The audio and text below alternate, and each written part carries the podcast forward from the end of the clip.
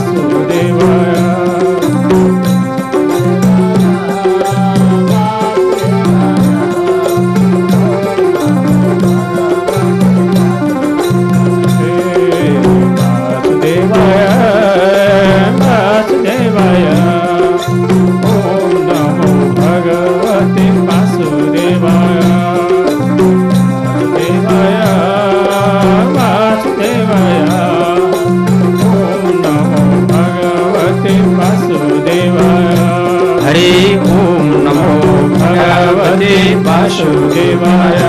हरे ॐ नमो भगवते वासुदेवाय। श्राव्यनो मामेश्वराभ्यनो वाणी हिरण्यगर्भाभ्यं नमः सचिपुरन्द्रान् मात्रे पितृ चरणकमलेभ्यो नमो नमः श्री कृष्ण गोविन्द हरि मुरारे। हे नाथ नारायण वासुदेव। श्री कृष्ण गोविन्द हरे मुरारे।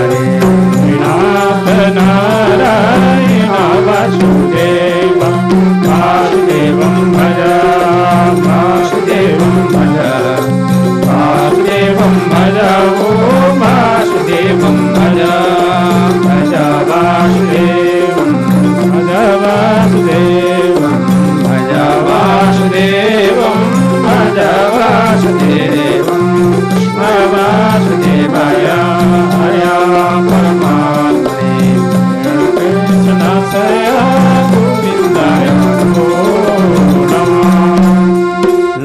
नमो ब्रह्मणदेवाय गो ब्राह्मणहिताय च जगद्धिताय कृष्णाय गोविन्दाय नमो नमः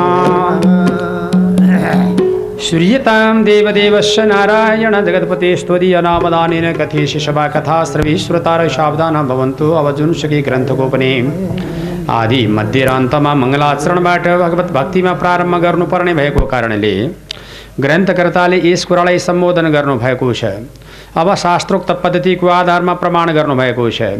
उहाँ बताउनुहुन्छ के भनेदेखि, श्री गणेश साइनमा पहिला गणेशको नमस्कार, ओम नमो भगवते वासुदेवाय, वासुदेव भगवानको नमस्कार। यस एक महापुरुषको भगवानको नमस्कार, पशुपतिनाथ परमात्माको नमस्कार गरेर यस ग्रन्थको प्रारम्भ गर्दछु। अब तेजो बारी मृदाम भन्छन्। जलबाट, आकाशबाट तेजबाट वायुबाट पृथ्वीबाट को एक किसिमको घडा उत्पादन हुन्छ जीवको उत्पादन हुन्छ। त्यो जीवको उत्पादन भइसकेपछि त्यो जीवको जब रहेको घडा जो छ यो घडा छ नि यो सबै यो घडाभित्र आकाश देखिया छ अहिले। तर त्यो घडाभित्रको आकाश कहिलेसम्मका लागि रहन्छ? भन्दा जबसम्म त्यो घडामा जल भरिँदैन जबसम्म घडामा वस्तु स्थित हुँदैन जबसम्म घडा फुट्दैन तबसम्म त्यहाँभित्र आकाश हुन्छ। घडा जब फुटेर गइसकेपछि त्यो आकाश कहाँ जान्छ? स्वत बाद विलयबाद आकाशमा महाकाशमा गएर लेन हुन जान्छ। यस्ता परमेश्वर परमात्मा परमेश्वर जीव र आत्माको सन्धि पत्र गराउनेलाई मेरो कोटि प्रणाम छ। धेरै जन्मको पुण्य हुन्छ अनि भागवत कथा सुन्नको लागि शुभ अवसर आउँछ। निर्मत शरणाम सताम भन्छ। धेरै जन्मको पुण्य भएपछि अनि भागवत कथा लगाउने र सुन्नेको शुभ अवसर आउँछ। त्यो आफूले चाहँदा हुन सक्दैन त्यो कुरा। जबसम्म आफ्नो भाग्यको उदय हुन्छ अनि भागवत कथाको विद्यमान आफू कर्ताको रूपमा या आफू वक्ताको रूपमा या आफू श्रोताको रूपमा उपस्थित हुन पाइन्छ। यस्तो प्रकारको जब यो भाग्यको प्रभावले मात्र पाउन सक्ने यो भागवत रूपी अमृत कथालाई मेरो दण्डवत प्रणाम। धेरै जन्मको पुण्यको प्रतापबाट प्राप्त गर्ने श्रीमद् भागवतलाई निगम कल्पतर गलितम फलम शोक मखाद मृदम द्रव्य संयुक्तम पिबत भागवतम रसमालयम महोरो रसिका भुइ बाबुका भनेको छ वेद रूपी एउटा वृक्ष छ कल्प वृक्ष। त्यसको फुल भनेको चाहिँ उपनिषदहरू हुन्। त्यसको हाँगा बिगा भनेका वेद पुराणहरू हुन्। त्यसको फल भनेको भागवत हो। त्यसलाई सुगाले अत्यन्त पाकिसकेको फललाई सुगाले छुन्छ। सुक मुखाद मृदम भनेको छ सुखदेव स्वामीको मुखमा परेको भन्न पनि मिल्छ। सुगाले छोएर गलेको वस्तुलाई पृथ्वीमा झरिसकेपछि मानिसले ग्रहण गरेको भन्न पनि मिल्छ। यस्तो श्रीमद् भागवत नाम गरेको महान ग्रन्थ जब लाई मेरो बारम्बार नम। वेदरूपी कल्पवृक्षबाट परिपक्व भई फुली खली गले। सुखदेव स्वामीका मुखार बिन्दुमा परि संसारमा वकालत हुन आएको यो अमृत रूपी रसको डल्लो हे रसिकमा अनुभावहरू पान गरिदियो बक्सनु पर्यो। यो मैले यहाँलाई बताएँ। अब जबसम्म सौनकादि गरिएका अठासी हजार ऋषिश्वरहरू सुन्दर नैमिसारण्य क्षेत्रमा हुनुहुन्थ्यो। सारा ऋषि महर्षि टन भएर बसिराखेका थिए। सौनकादि गरिएका अठासी हजार ऋषेश्वरहरूको अगाडि सुतनामा पौराणिकजी पाल्नुभयो। उहाँ पाल्नुभएको देखेर सारा जनहरू उपस्थित भई विद्वान पाल्नुभयो। यहाँ आउनुहोस् भनेर यसरी नै व्यास गद्दी दिएर राखिसकेपछि सौनकले प्रश्न गर्नुभयो गुरु हामीहरू अल्पज्ञ छौँ हामीहरू केही जान्दैनौँ। तपाईँले हामीलाई प्रश्नका उत्तर दिनु पर्यो पुरुषको कर्तव्य र शास्त्रको सार भनेको के हो? एक नम्बरको कुरा। पुरुषको कर्तव्य र शास्त्रको सार भनेको के हो? एउटा विषय। मानिसले गर्नुपर्ने काम कर्तव्य माथिको बोध के हो त्यो एउटा कुरा। अनि पृथ्वी मण्डलमा भगवानको जन्म किन भयो दोस्रो प्रश्न। पृथ्वी मण्डलमा जन्म लिएर प्रभुले के के काम गरिबक्स्यो तेस्रो प्रश्न। र लीलारू पराक्रमको अवतारको व्याख्या गरिबक्सनु पर्यो चारौँ प्रश्न। अवतारमा भएको गुणरूप व्याख्या गरिबक्सनु पर्यो यो पाँचौँ प्रश्न। र ब्रह्मण्यदेव भगवान् स्वर्गारोहण भइसकेपछि धर्म कसका शरणमा गएर बस्यो। यो छवटा प्रश्नका उत्तर दिनुहोस् भनेर सौनकादिले सोधिबक्सेपछि सौनकादिका उपरमा पौराणिक शुद्धले छवटा प्रश्नको यथासम्भव उत्तरको बारेमा प्रकाश पार्न आँटी बक्स्यो भन्ने सम्मको कथा यस अध्यायबाट। ओम नमो भगवते श्रीमद् भागवत महापुराणको। ओम नमो भगवते वासुदेवाय। जन्माध्यक्ष नैतीर्थ चार्थ्यु सुविज्ञ सुराट तिनी ब्रह्महृदयादि कवय मुयन्ति सूर्य तेजो तेजोबारी मृतमेथा विनिमेत्रम तस्गोमृषाधाम नाम सोन सदा निस्तकोकम सत्यम परम धीमये धर्म प्रजित कैतपुत्र परमण्यमत सराणाम सताम वेद्यम वास्तव मंत्रप्रसिद्धम तापम द्रव्यनमूलनम श्रीमद भागवती महामुनि कृति किम्मा परीरेश्वर? शैध्वरिति वर्तित कृति विश्वश्रश्मी तक्षणात्। निगम कल्पतर्गलितम फलम शोकम खाद मृतम द्रव्यसंहितम पिबत भागवतम रसमालय मोरो ऋषिका विभावगा नैमिषे निमिक्षे क्षेत्रे ऋषि सौनकादय सत्रम स्वर्गाय लोकाय सहस्र समाशत एकदा तुमने प्राप्त हुताग्नेय सत्कृतं सुतमासनं प्रपक्षुरितमादरात् ऋषि उचितो खलपुराण निषेति हासानि चानग आख्यत निवेदन धर्मशास्त्राणि यानुते विदां श्रोतो भगवन् बादरायण अन्य मुने श्रोतो परा विरो वेदो वेदो वेत्तं तत्र शर्मा तत्तदस्य मदनुग्रहात् तत्र तत्र शासनं पुंसां वेकान्तनं श्रेष्ठ शिवाम् मम प्रयाण अल्पासुन कलिस्नुकेतन मन्द सम्बन्ध मन्द मन्द उद्धृत भ्रूण परिक्रमण श्रुति बनि विभाग छ अत साध्वे सारा समुद्रता मनुष्य भ्रूण श्रद्धानां यनाथ सम्प्रसिद्धि सुतम जानासि भद्रम ते भगवान् सातुताम पति। दिव्य के वसुदेव से जातो चिकित्सा तन्नम सुरसमाण संसमण यशोवतार भूतान छिमा च भवाय च। आपन्न संस्कृति घोराय नाम स्वग्रहणान्। तद सद्विंशति यद्वते स्वयं भयं यद् पाद संश्रय सुतमनि प्रशमयन। सत्य प्रसन्न समय को भावं पण्य पण्यश्लोको द्वेकर्मण शुद्धि कमलापम तस्वर्ण परिगीतानि सुरभि वृणं श्रधानानां लिलितं तथा कला। यथा खैरि अथा खैरे दिनवतार कथा शुभ लीलापिता सूर्य अश्वशिस्त्रमात्मया वयं तृणवित्तम उत्तम श्लोभिग्रण यस्तृण सरस्वती पदे कृतमन कृपयाण स रामेण केशव। अतिमर्दने भवन गुण कपट मानुष कलि मागदेव छत्र वैष्णवी वयं आश्रिन्द्र चन्द्र सन्द्र संस्मरणमारे त्वं न समदर्शित धातृदोषदर्शतां कलिं सत्यरपुष कर्णधारिवारं गुरुमेघ श्रीकृष्ण ब्रह्मणे धर्मरुणे सोमकाष्ठबन्धुने प्येते धर्मकं शरणं गत हरि ओं तत्सत् श्रीकृष्ण गोविन्द हरि। मुरारे जनाथ नारायण वासुदेव श्री श्रीकृष्ण गोविन्द हरे मुरारी नाथ नारायण वासुदेव वासुदेवं भज वासुदेवं भज। वासुदेवं भज ओ वासुदेवं भज भज वासुदेवं। वासुदेवं भज वासुदेवं कृष्णाय वासुदेवाय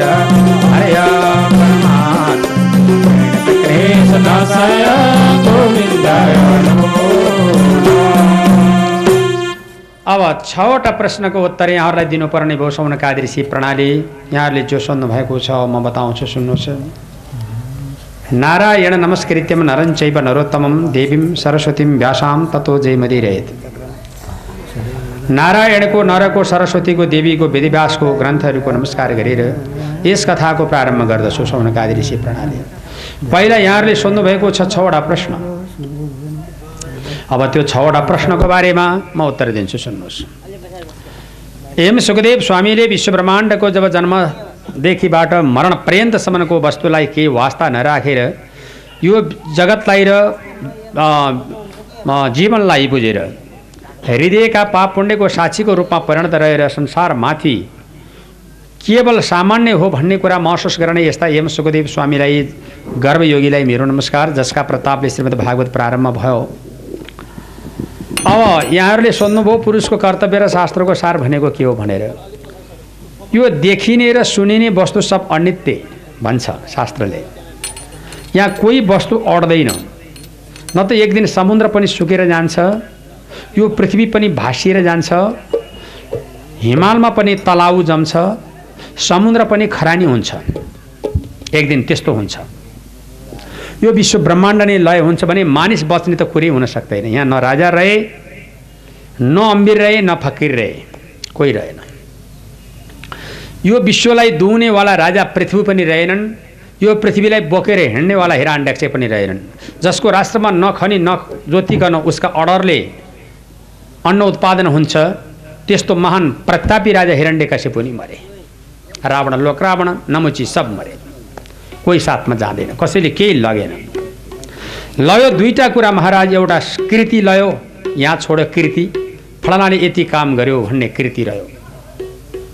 जस्तो प्रकारले अहिले बिल्डिङहरू बनिराखेका छन् फलानाको बिल्डिङ हवेली महल फलानाको शालिग इत्यादि। यो चाहिँ जब के भयो? कृति हो।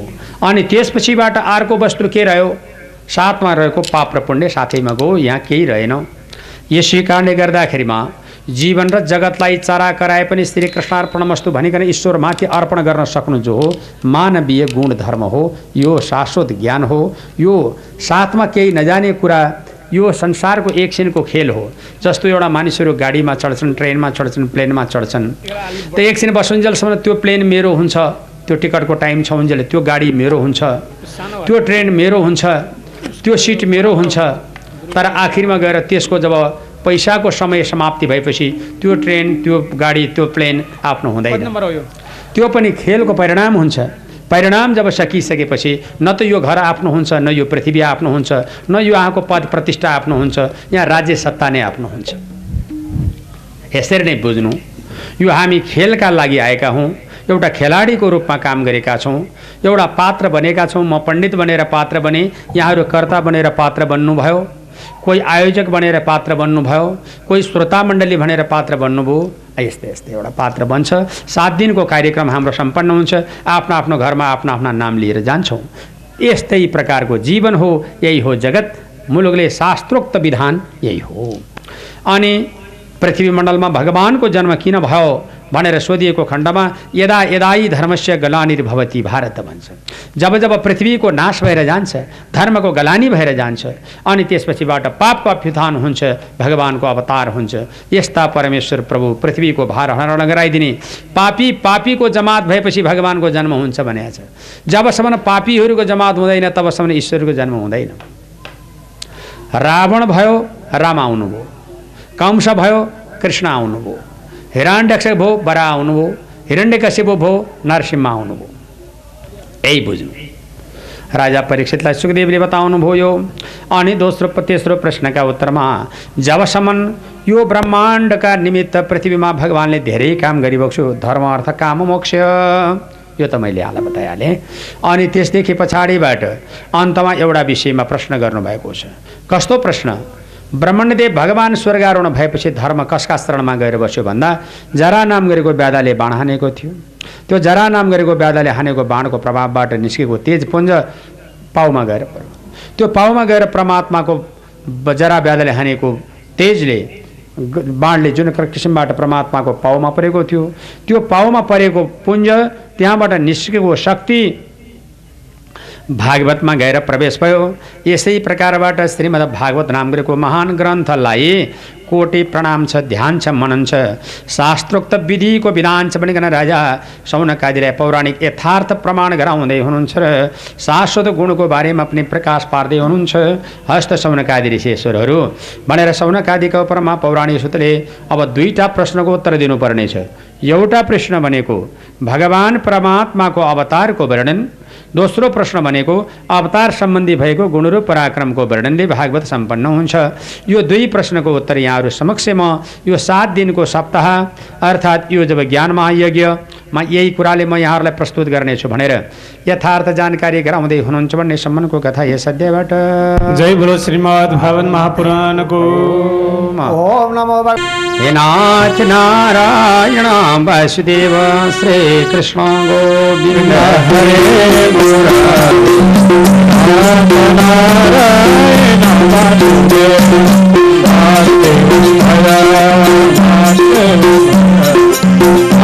वासुदेव वासुदेव वासुदेवं भगवासुदेवं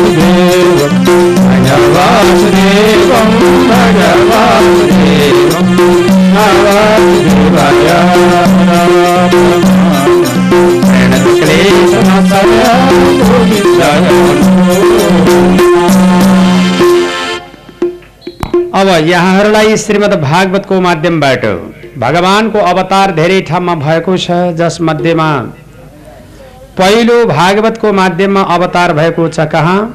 स एव प्रथम देव सौग कौमार सर्गम स्थित सनक सनन्दन सनातन सनद कुमार भन्ने चारवटा कुमारको अवतार भएको छ पहिला। दोस्रो अवतार भएको छ भगवानको कमठ अवतार कछुवाको। तेस्रो अवतार भएको छ भगवानको कमठ अवतार पछाडिबाट अनि भगवानको अवतार भयो जुन हो नारसिंह अवतार। र अनि त्यसपछिबाट अनि त्यति भइसकेपछि अनि अर्को प्रकारको अवतार भएको छ धर्मका पुत्र मूर्तिका गर्भबाट नर र नारायण। अनि कपिलदेव अवतार भएको छ भगवानको। अत्रिकी पति अनसुइयाका गर्भबाट दत्तात्रेय नामको अवतार भएको छ। मेरु देवीको गर्भबाट यज्ञ अवतार भएको छ अनि मत्स्य अवतार। त्यसपछिबाट कमठ कुर्म अवतार। त्यसपछिबाट भगवानको धन्वन्तरी अवतार। मोहनीको अवतार। त्यसपछि भगवान नरसिंहहरूको त्यसपछिबाट फेरि वामन अवतार। त्यति मात्रै होइन परमात्माको फेरि परशुराम अवतार। अनि त्यसदेखि पछाडिबाट भगवानको परशुराम अवतार पछाडि विविध प्रकार को क्षेत्र में अवतार प्रबल लिने लिने लिने जाँदा। धर्म, अर्थ, काम, मोक्ष का स्रोत साधन जुटाउने श्रीराम अवतार परशुराम अवतार राम अवतार त्यसपछि बुद्ध अवतार कृष्ण अवतार आदि गरिएका भगवानको चौबिसवटा अवतारहरूको वर्णन यस भागवतमा सुन्न पाइन्छ। यस भागवतमा चौबिसवटा अवतार भइसकेपछि अनि त्यसका पछिबाट सारा सम्पूर्ण कन यो भागवतको माध्यमबाट अब सम्पूर्ण प्रकारको जीवन र जगत अध्ययन गराउने यस्ता शाश्वत ज्ञान रूपी भागवत रूपी कथालाई मेरो कोटि प्रणाम छ सौनकादि। अब यो भागवत कसरी रचना भयो अब यसबारेमा गम्भीर सोच राख्नुहोस्। यो भागवत उत्पादन हुनेको मूल सिद्धान्त के छ भनेदेखि व्यासको अप्रसन्न चित्त थियो नारद नामगिरीका ऋषि सरस्वती नदीको किनारमा पुग्नुभयो। किन रोइराखेको नारद? भन- व्यास भनेर सोद्धाखेरिमा अरू कुराले म रोएको होइन। मेरो विषय अरू कुरा होइन एउटा विषय छ। के विषय छ प्रभुदेव? भनेर सोधिएको खण्डमा अब यहाँ देख्नु प्रान्तका लागि एउटै प्रकारको मेरो विषय छ। अब त्यहाँ देख्नु प्रान्तका लागि। ज्ञानवर्धक एउटा प्रकारको विषय छ भन्नुभयो। कुन प्रकारको विषय भनेर सोधिएको खण्डमा अरू मलाई केही चाहिएको छैन। यसमा एउटा प्रकारको ज्ञानवर्धकको विषय छ। जुन प्रश्न छ त्यो हजुरलाई म निवेदन गर्छु। जुन विषय छ त्यो म यहाँलाई निवेदन गर्छु भन्नुभयो। के छ शास्त्रोक्त विधि विधान तर बमोजिम एउटा विधान छ महाराज। मैले शास्त्रका प्रमाणबाट चार वेद रचना गरेँ मेरो मन अप्रसन्न भयो। चार वेद रचना गरेँ मेरो मन अप्रसन्न भयो। विचार र विवेक उदय गरेँ त्यो पनि अप्रसन्न भयो। सत्र पुराण लेखेँ अप्रसन्न भयो। अनि अठार उपपुराणहरूमा लेखेँ त्यो पनि मेरो अब प्रसन्न भयो। अब मैले प्रसन्न पार्ने उपाय के छ भन्दाखेरिमा नारद नाम गरेको ऋषिले व्यासलाई भन्नुभयो हेर सबै कुरा तिमीले लेख्यौ तर आत्मा शान्ति हुने कुरा लेखेका छैनौ। त्यो आत्मा शान्ति हुने कुरा एउटा विषय छ। तिमीलाई मेरो जीवन कहानी बताउँछु सुन। अघि म बेवारिसीको आमाको छोरो म आमालाई सोध्थेँ मेरो बाबाको नाम के हो भनेर सोद्धाखेरिमा मेरो आमाले बाबाको नाम बताउन सक्नुहुन्न थियो त्यस्तो अ, माने बाउको छोरो म कमसेकम बाबा को हो आमा भन्दाखेरिमा खै को को मलाई थाहा छैन म दासी भन्नुहुन्थ्यो। त्यस्तो बेवारिसी म।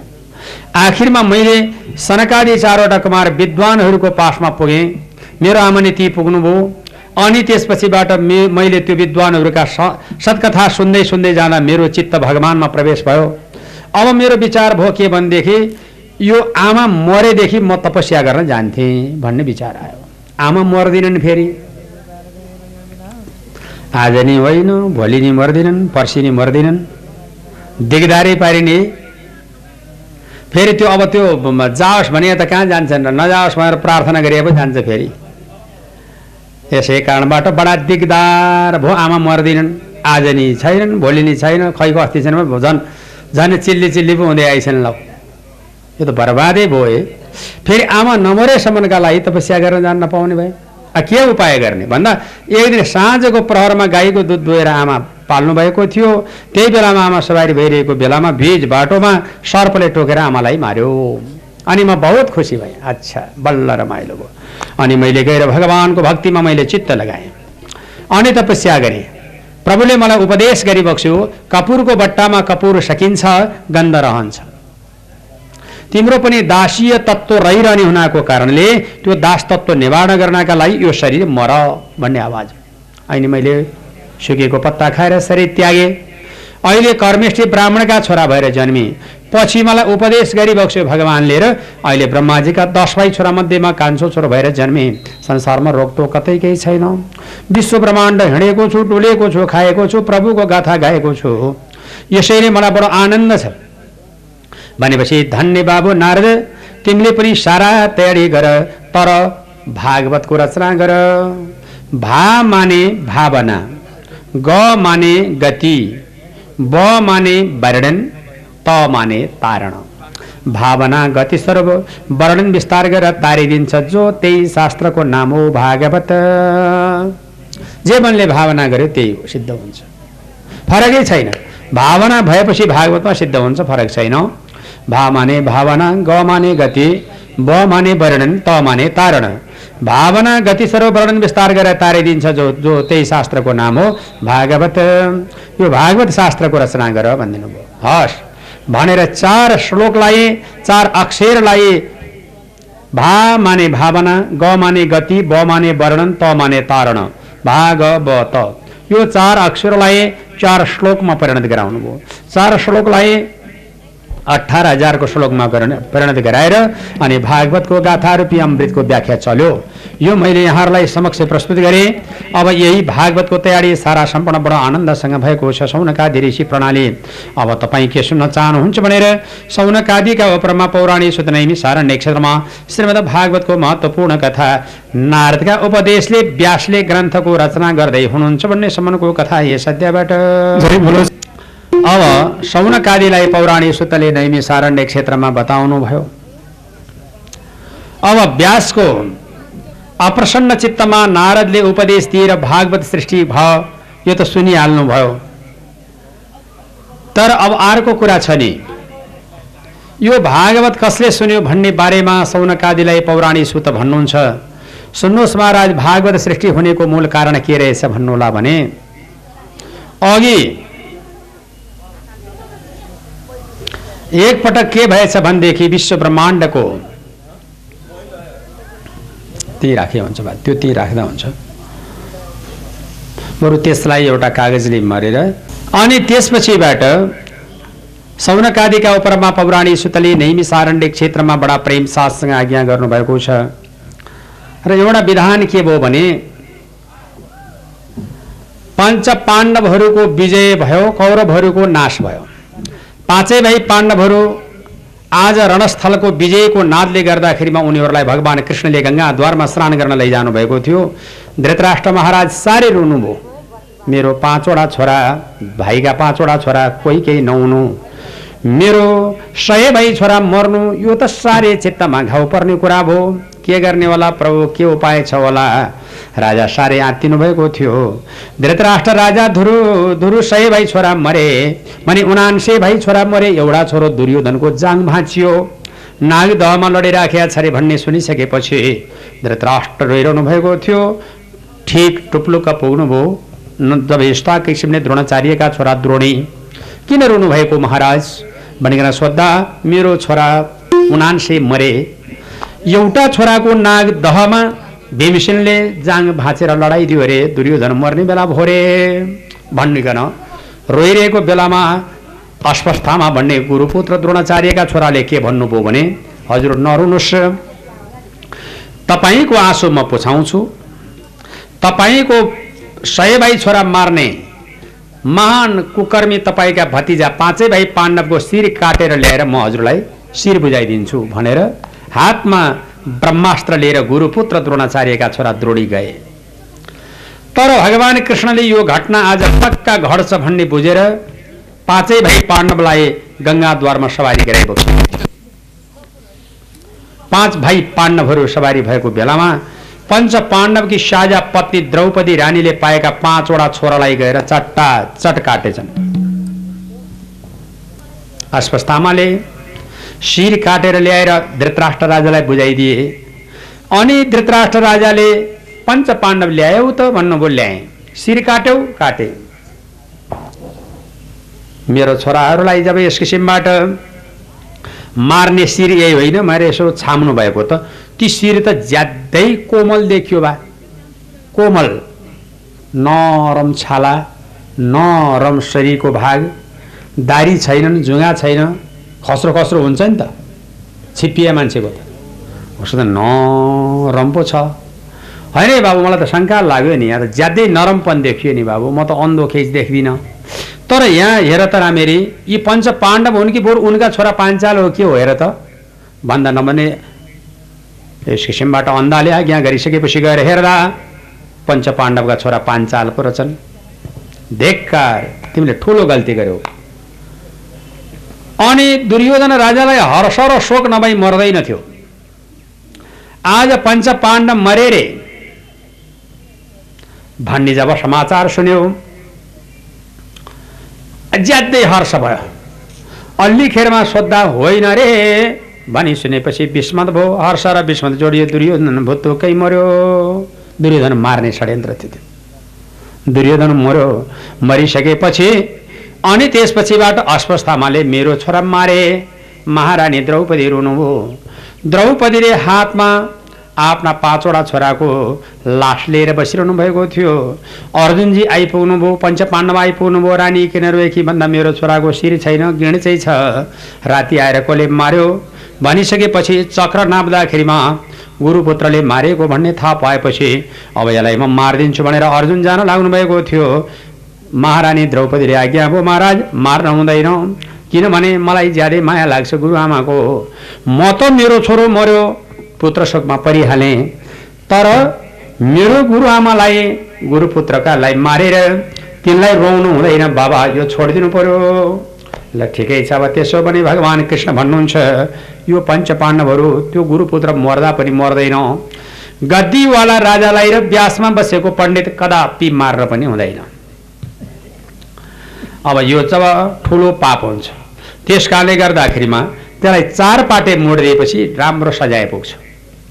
भनेपछि चार पाटे मोडिदिन्छु भनेर सट्ट चार पाटे मोडे चार पाटे मोडिसकेपछि सजाय पनि पुरा भयो शिरको मणि पनि झिकिदिए शिरको मणि झिकेर चार पाटे मोडिदिएपछि अनि त्यसपछिबाट उनको ब्याजत भयो महाराज। त्यसै कारणबाट अघि चार पाटे मोडिसकेपछि जात जान्थ्यो। जात जानी चलन थियो अहिले। अहिले भए पो जाओस् जातै छैन कता जाने। भए जाने होइन। भए पो नक्सान हुन्छ। माला लाछ माला हराउँछ भन्ने पिरो। टोपी लाछ टोपी हराउँछ कि जान्छ भन्ने पिरो। छँदै छैन त के? त्यसै कारणबाट जसको जातै छैन नि आज के? जसरी मोडे पनि जात पनि जाँदैन। जसरी कपाल काटे पनि जाँदैन। ल त। अब यसरी पञ्च पाण्डवका शरीरमाथि बडो आक्रमण शैलीमा आज्ञा गरिसकेपछि पाँचै भाइ पाण्डवले गद्दीवाला राजालाई जब व्यासमा बसेको पण्डित मार्न हुँदैन भनेको कारणले चारपाटे मोडेर शिरको मडी झिक्दिएका थिए ज्यादै लाज भयो महाराज हाकार पऱ्यो होकार पऱ्यो चितकार पऱ्यो र अनि अब यसको कुलको नाश गर्छु भनिकन अश्वस्थामाले आठ पटकसम्म उत्तर कुमारकी बहिनी विराट राजाकी छोरी जसको नाम हो उत्तरा अभिमन्युकी पत्नीलाई गर्भवती रहेछन्। बाह्र वर्षीय केटी गर्भवती बर।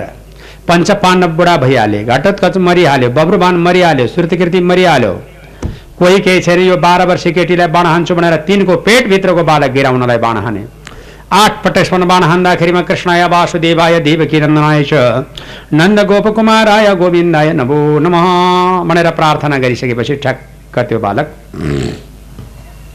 अनि पहिलाका लागि तयारी गरिसकेपछि अन्ततो गत्वा अनि त्यो बालकलाई सुरक्षा राखेर जब बिदा बिदा हुनुभयो अनि आठवटा पटकसम्म हानेको बाणको प्रभावले बालक छटपटावट भइरहेको थियो। त्यही बेलामा महाराज अस्वस्थामा नाम गरेको महान प्रतापी महान ज्ञानी सर्वोपरि यस्तो प्रकारको व्यक्ति आज जब त्यहाँबाट प्रस्थान गर्नुभएछ र शास्त्र जब गइसकेपछि भागवत भक्तिमा चित्तवृत्ति परमात्माको प्रार्थना गरेर अब पन्जाब जानुभएछ। पन्जाबमा गएर फेतागुथी फेतागुथिसकेपछि अनि सिख सम्प्रदाय भन्ने सम्प्रदाय खोलेर अहिले पनि सरदारका पन्जाबी सरदारहरूले फेतागुथी चलन छँदैछ।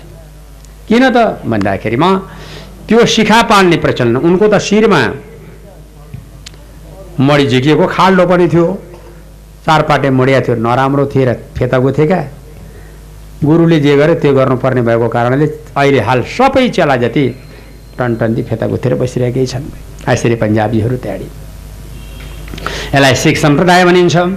अनि त्यसपछिबाट अस्वस्थामाजी यहाँबाट हार भएर बारम्बार गर्न लज्जित रूपबाट आफ्नो गतिले त्यहाँबाट प्रस्थान गरिसक्नु भएको छ। हस्त सौनकादि ऋषि प्रणाली भनेर सौनकादिका उपरमा पौराणी शुद्ध दुर्योधनको मृत्यु पछाडि भगवान् परमात्मा परमेश्वर जगतका मालिक पनि पञ्च पाण्डवको घर झगडा मिलाउनेको कोसिस गर्दै भइबक्सन्छ भन्ने सम्मको कथा यस अध्यायबाट जय बोलो श्रीमद् भागवत महापुराणको नारायण हरि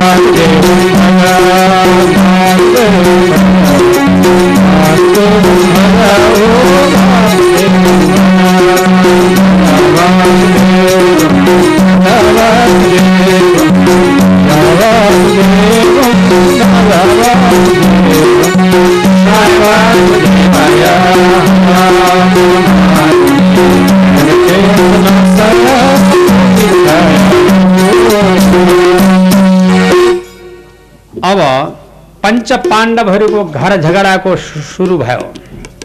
कस्तो सुरु भयो पञ्च पाण्डवको घर झगडा भने भगवान् कृष्णको प्रतापबाट महाभारतको विजय भयो भनेर भन्ने राजा युधिष्ठिर। भीमसेन र अर्जुन सो कुरालाई स्वीकार नगर्ने। कहाँबाट हुन्छ त्यसले जित्या कृष्ण भनेको सारथी हामी भनेको महारथी। त महारथीले नजित्ने सारथीले हुन्छ।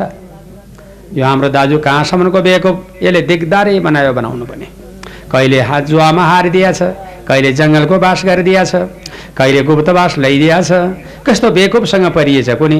कमसे कम मेरो भाइहरूले क्या काम गरे? जय होस् मेरो बाबुहरूको। त्यति पनि भन्दैन। काम गर्ने मानिसले धन्यवाद त पाउनुपर्छ। भनेर यस किसिमबाट आज्ञा गर्दाखेरि अनि पञ्च पाण्डवहरूको झगडा हुन आँट्यो भन्ने बुझेर भगवान् कृष्णले संसारमा दुईटा व्यक्ति हुनुपर्छ कि आफ्नो कुरा आफैले गर्न हुँदैन। भन्नुभयो नि? आफ्नो कुरा आफैले गर्यो भने एउटा माला? अहिले चाहियो ल ल। मलाई मात्र लगाइदिएर पैसा दिनलाई के लगाइदिने नि? अब यो प्रकारको नीति छ।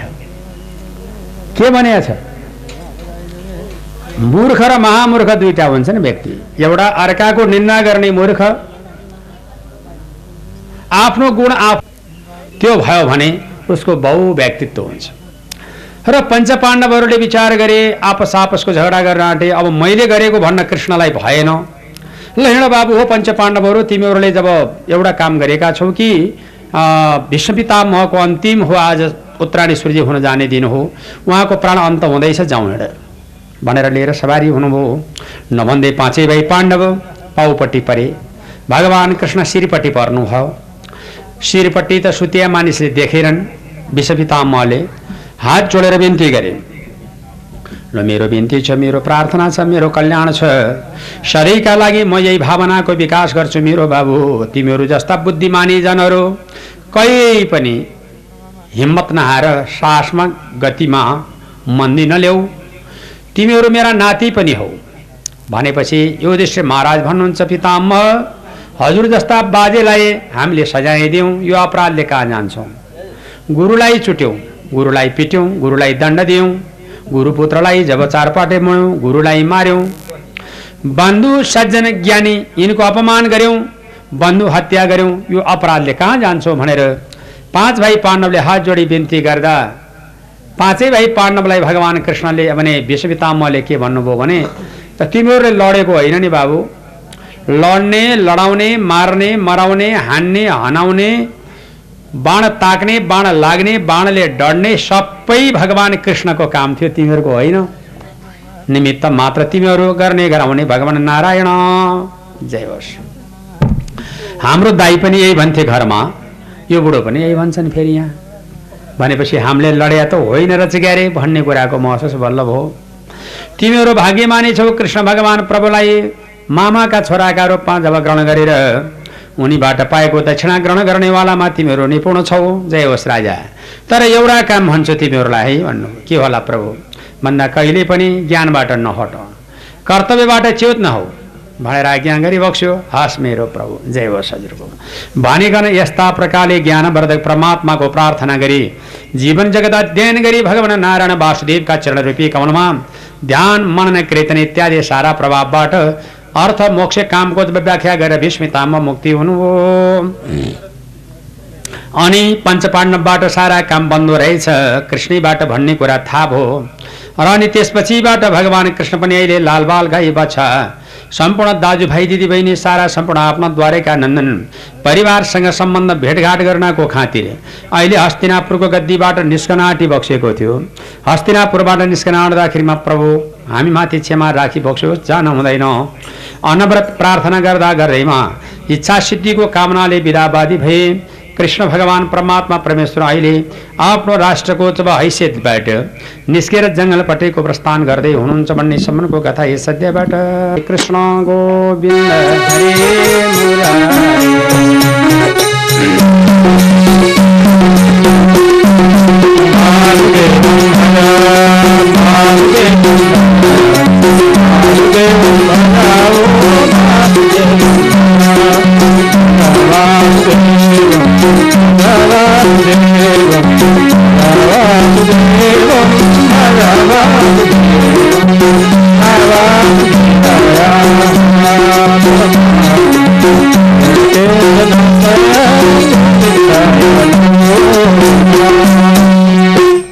अब श्रीमद् भागवत महापुराण अन्तर्गत भगवान् कृष्ण परमात्मा प्रथम स्कन्दको अहिले नौ अध्यायबाट आज्ञा गरिबक्सेको छ सौनकादिलाई पौराणी सुतले कृष्णचन्द्र परमात्माले आफ्नो घर दरबारपट्टिको प्रस्थानको लागि जब तयारी भइबक्सियो बीच बाटोमा श्रीरङ्गनाथ र त्यसपछिबाट श्रीशैल बेकण्ठ कामकोष्णी पुरी सरिदबरा आदि गरेका देशहरू र सहरहरू पहाडहरूलाई नाग्दै त्यसपछिबाट पाएका सम्मानहरूलाई ग्रहण गर्दै अनेक प्रकारबाट सम्पूर्ण जनहरूले नागरिक समाजले स्वागत अभिवादन गरिबक्सेको भगवान् कृष्ण आफ्नो घर दरबारमा पाल्नु भएपछि सम्मान गारतले स्वागत गर्यो।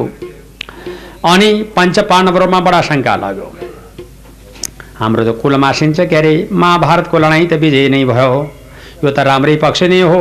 तर पञ्च पाण्डवहरूकोबाट लडाइँको सारा सम्पूर्ण प्रकारको जब सारगर्भित विषयमा विजय त भयो। तर एउटा प्रकारको समस्या यो देखा पर्यो, के भनेदेखि, एक नम्बरमा उनीहरूले आफ्नो प्रश्न गरे के भने, लो मेरो प्रभु पञ्च पाण्डवको विजय त भयो कौरवहरूको जब नाश भयो। कुल सन्तान मासिने भयो यो अहिले आठ पटकसम्म बाण हानिएकी हाम्री नातिनी बुवा हाम्री बुहारी गर्भावती छ। यो गर्भावतीले छोरो पाइ भने त भला राम्रै भयो। छोरी पाइ भने के होला? अराजकता फैलने भयो। छोरो पाएँ भने त राम्रै भयो। तुहिएर गयो बालक। त्यो के हुने हो? मेरो ईश्वर लौ न दयाको सागर बिन्ती गर्दै थिए। त्यही बेलामा बालक कन पैदा हुने व्यथा लायो। नारी बुहारीलाई व्यथा लागेको छ ससुराहरू आँतिएका छन्। त्यही प्रकारले प्रार्थना गर्दै जाँदा फाडमा ध्यानी हुन्छ। लक्षणमानमा लक्षणमान हुन्छ शास्त्रोक्त ज्ञानीमा सबभन्दा ठुलो हुन्छ महाराज। तर एउटा कुरा छ यिनको आयु जम्मा साठी वर्षको छ। सर्पले टोकेर मर्छ। मर्ने बेलामा भागवत सुन्छ। भनेपछि लो मेरो प्रभु यो त आश्चर्य भयो नि। साठी वर्षको मेरो त साह्रै चाँडो भएन र? भन्दाखेरि साठी वर्ष तपाईँको नाति पुग्दाखेरिमा तपाईँको पलाती पैँतिस वर्षको हुन्छ। अनि पैँतिस वर्षको हुँदाखेरिमा तपाईँको जब नाति पलाती पैँतिस वर्ष हुँदा तपाईँ मरिसक्नुहुन्छ के फेरि? के चिन्ता छ? यसमा शोक गर्नु हुँदैन। यो मैले यहाँलाई बारम्बार गर्न निवेदन गर्छु तपाईँ शोक नगर्नुहोस्। शाश्वत ज्ञानको तपाईँ भण्डार हुनुहुन्छ। अनि तपाईँको नातिले अस्मेदेखि गर्नेछन्? रन्तिदेव राजा जस्तो दानी हुनेछन् शिवी जस्तो दयालु हुनेछन्। विदुर जस्तो नीतिवान हुनेछन् दुर्योधन जस्तो मानका मालिक हुनेछन्। महाराज यस्तै हो। सबले मर्नुपर्छ भनेपछि यिनै राजा परीक्षितको जन्म कहानी सारा बुझेर सुखदेव स्वामी यहाँबाट विदावादी भए आफ्नो गतिबाट भने यस किसिमबाट जब यहाँलाई ज्ञान बताउनलाई पाल्नुहुनेछ भागवतको पहिलो श्रवण गर्ने महामहिम व्यक्ति यहाँ हुनुहुनेछ भन्ने कुराको पहिचान गरेर विदा हुनुभयो। सौनकाद ऋषि प्रणाली। अब राजा परीक्षित नामको राजाको जन्मकथा भयो। महाराज परीक्षितले जन्म लिनुभयो। त महाराज परीक्षित बडा ज्ञानी हुनुहुन्थ्यो। आज भोलि पर्सि उहाँले राष्ट्रको उन्नति र राजनीति शास्त्र नीतिगत शास्त्र न्यायशास्त्र साङ्ख्य योग व्याकरण ज्योतिष सारा पढ्दै जानुभयो। र त्यसपछिबाट अन्तत्व गत्वा उहाँको मानवर्धन भयो र उहाँ अहिले जब भागवत कथा सुन्नेमा सर्वोपरि उत्कृष्ट पहिलो नम्बरको व्यक्ति उहाँ नै हुनुहुन्छ। उनै राजाका दरबारमा आज। राजा युधिष्ठ नामग्रेका राजाका रात दरबारमा अब भगवान् कृष्ण परमात्मालाई पुर्याउन भनेर अर्जुनजी जानुभएको छ। अर्जुन आएका छैनन् फिर्ता भएर। तर कृष्ण भगवान् परमात्मा परमेश्वरको छबारी जब विदुर नामको राजा चाहिँ त्यही बेलामा आइपुग्नुभयो विदुरले भन्नुभयो आफ्नो दाजुलाई धृतराष्ट्रलाई ए दाई भन्नुभयो हजुर बाबु। म एउटा कुरा भनौँ है भन्नुभयो भन न बाबा भन्नुभएको थियो। मरेपछि हाम्रो हिन्दू संस्कृति बमोजिम पिण्ड सबैले खान्छन्। जिउँदै पिण्ड खाएको एउटा मान्छेले देखियो। भन्नुभयो कसले खायो जिउँदै पिण्ड? भन्दा तपाईँले। भन्नुभयो विदुर महाराजले धृतराष्ट्र राजालाई। कसरी खाएँ मैले? भनेका थिएँ। लाज लाग्दैन? शरम नभएको कहाँको? आफ्ना सय भाइ छोरा मार्ने यिनै पञ्च पाण्डव आफ्ना सयवटा बुहारी विधवा बनाउने यिनै पञ्च पाण्डव छोरा ज्वाइँ मारेर छोरी विधवा बनाउने यिनै पञ्च पाण्डव सर्वस्व खाए। र सबैले जब लुटेल सम्पूर्ण प्रकारको नक्सानी हानि जति हुनुपर्ने यो सारा कुरा भयो। फेरि अब उनीले दिएको नुनपानी खाँदा तपाईँलाई कति चिन्ता लागेको छैन। उनले दिएको खानु त यो त जब सारा सम्पूर्ण गर्न पिण्ड खाए समानको हो महाराज। जिउँदै पिण्ड खान हुँदैन छोडिदिनुहोस्। भनेपछि लो मेरो राजा अब मैले बच्न हुँदैन भनिकन यहाँबाट सरास्र गएर भगवान् नारायण वासुदेवको भजनमा चित्त मनन कीर्तन गरेर विदा हुनुभयो र अहिले सरास्त्रकन गएर नारायण वासुदेवका चरण रूपी कमलमा ध्यान मनन कीर्तन गरी जीवन जगत अध्ययन गरी परम गतिको प्रदान गरी बक्सो सौनकादि ऋषि प्रणाले अब बाँकी अंश तपाईँ के सुन्न चाहनुहुन्छ भनिकन अहिले विदुर नाम गरेको राजाको जब आज्ञा मुताबिक धृतराष्ट्र जङ्गलमा जानुभई जीवन मुक्तिको सङ्घारमा यथार्थ पक्षको ध्यान गर्दै पुगिसके बक्सी भन्ने सम्बन्धको कथा यस अध्यायबाट जय बोलो श्रीमद् भागवत महापुराणको। ओम नमो भगवते वाम जरया वासुदेव भगवान अभिज्ञाता सबै राजा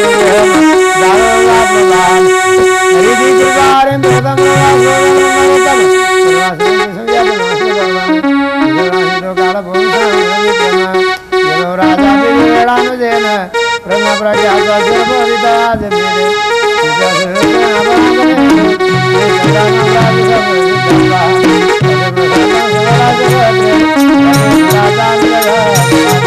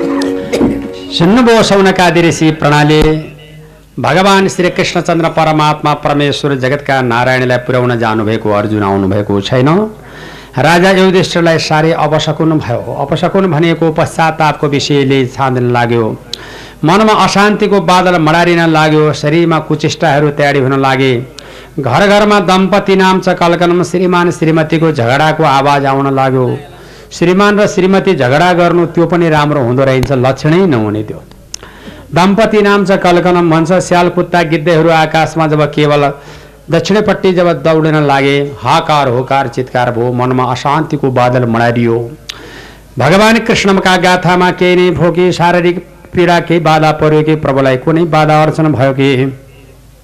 हरि के भो होला। यही प्रकारको चिन्ता यही प्रकारको भावना यही प्रकारको बडो जब चोट पै पुगिरहेकै थियो महाराज।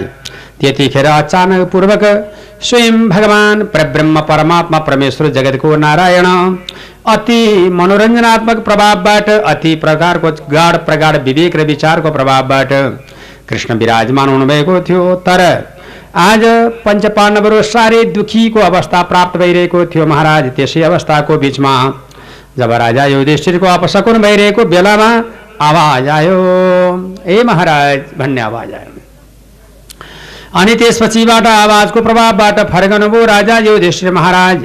उतापट्टि जब धुरु धुरु रोइरहेका रहेछन् अर्जुनजी बाबु तिमीलाई के भयो भन्दा? अब मैले कसरी बताऊँ मेरो दाए बयान गरी साध्यै छैन म बताउन सक्दिनँ मेरो दाजु। म माथि ठुलो चोट पर्यो हजुर हाम्रो प्रतिमा यहाँभन्दा ठुलो घाटा हुनु हुँदै पर्दैन।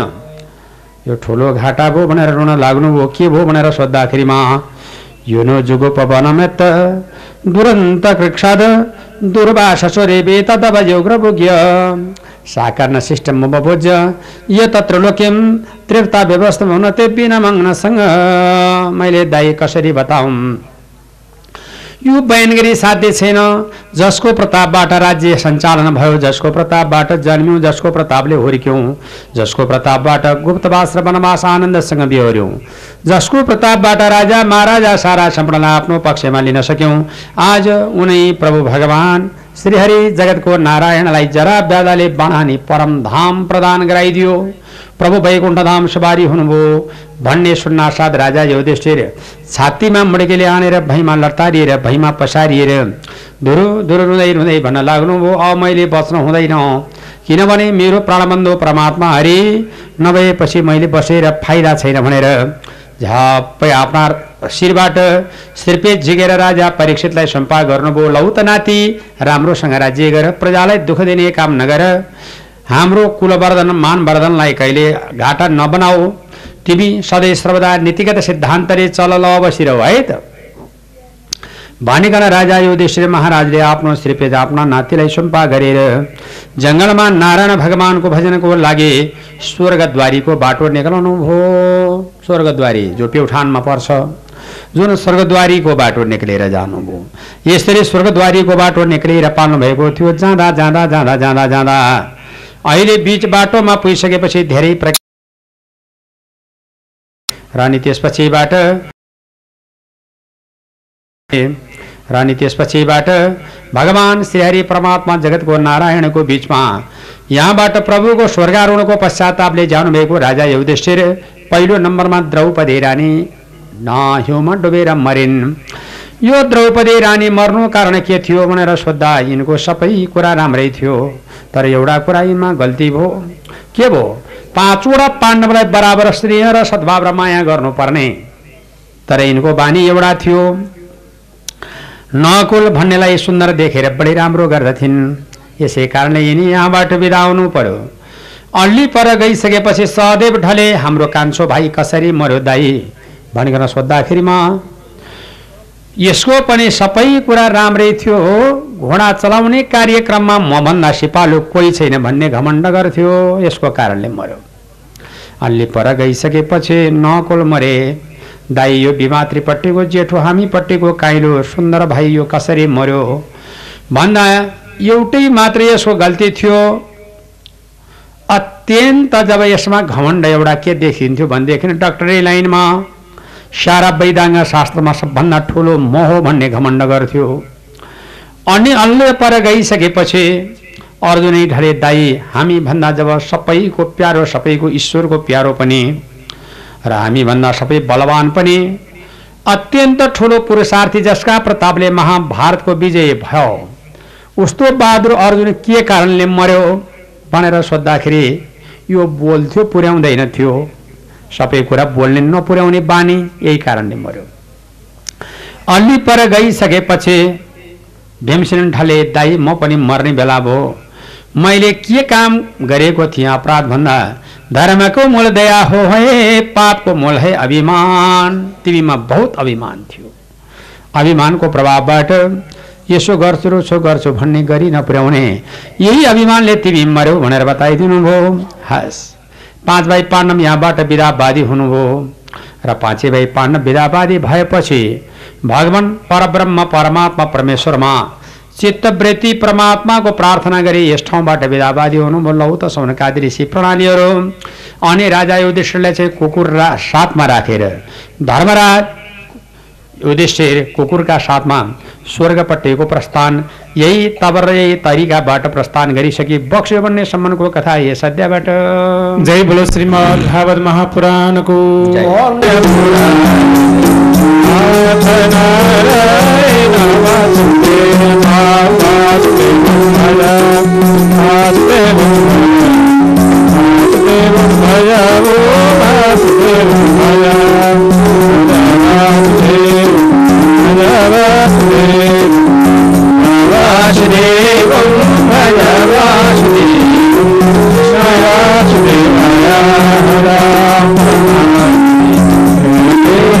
जय।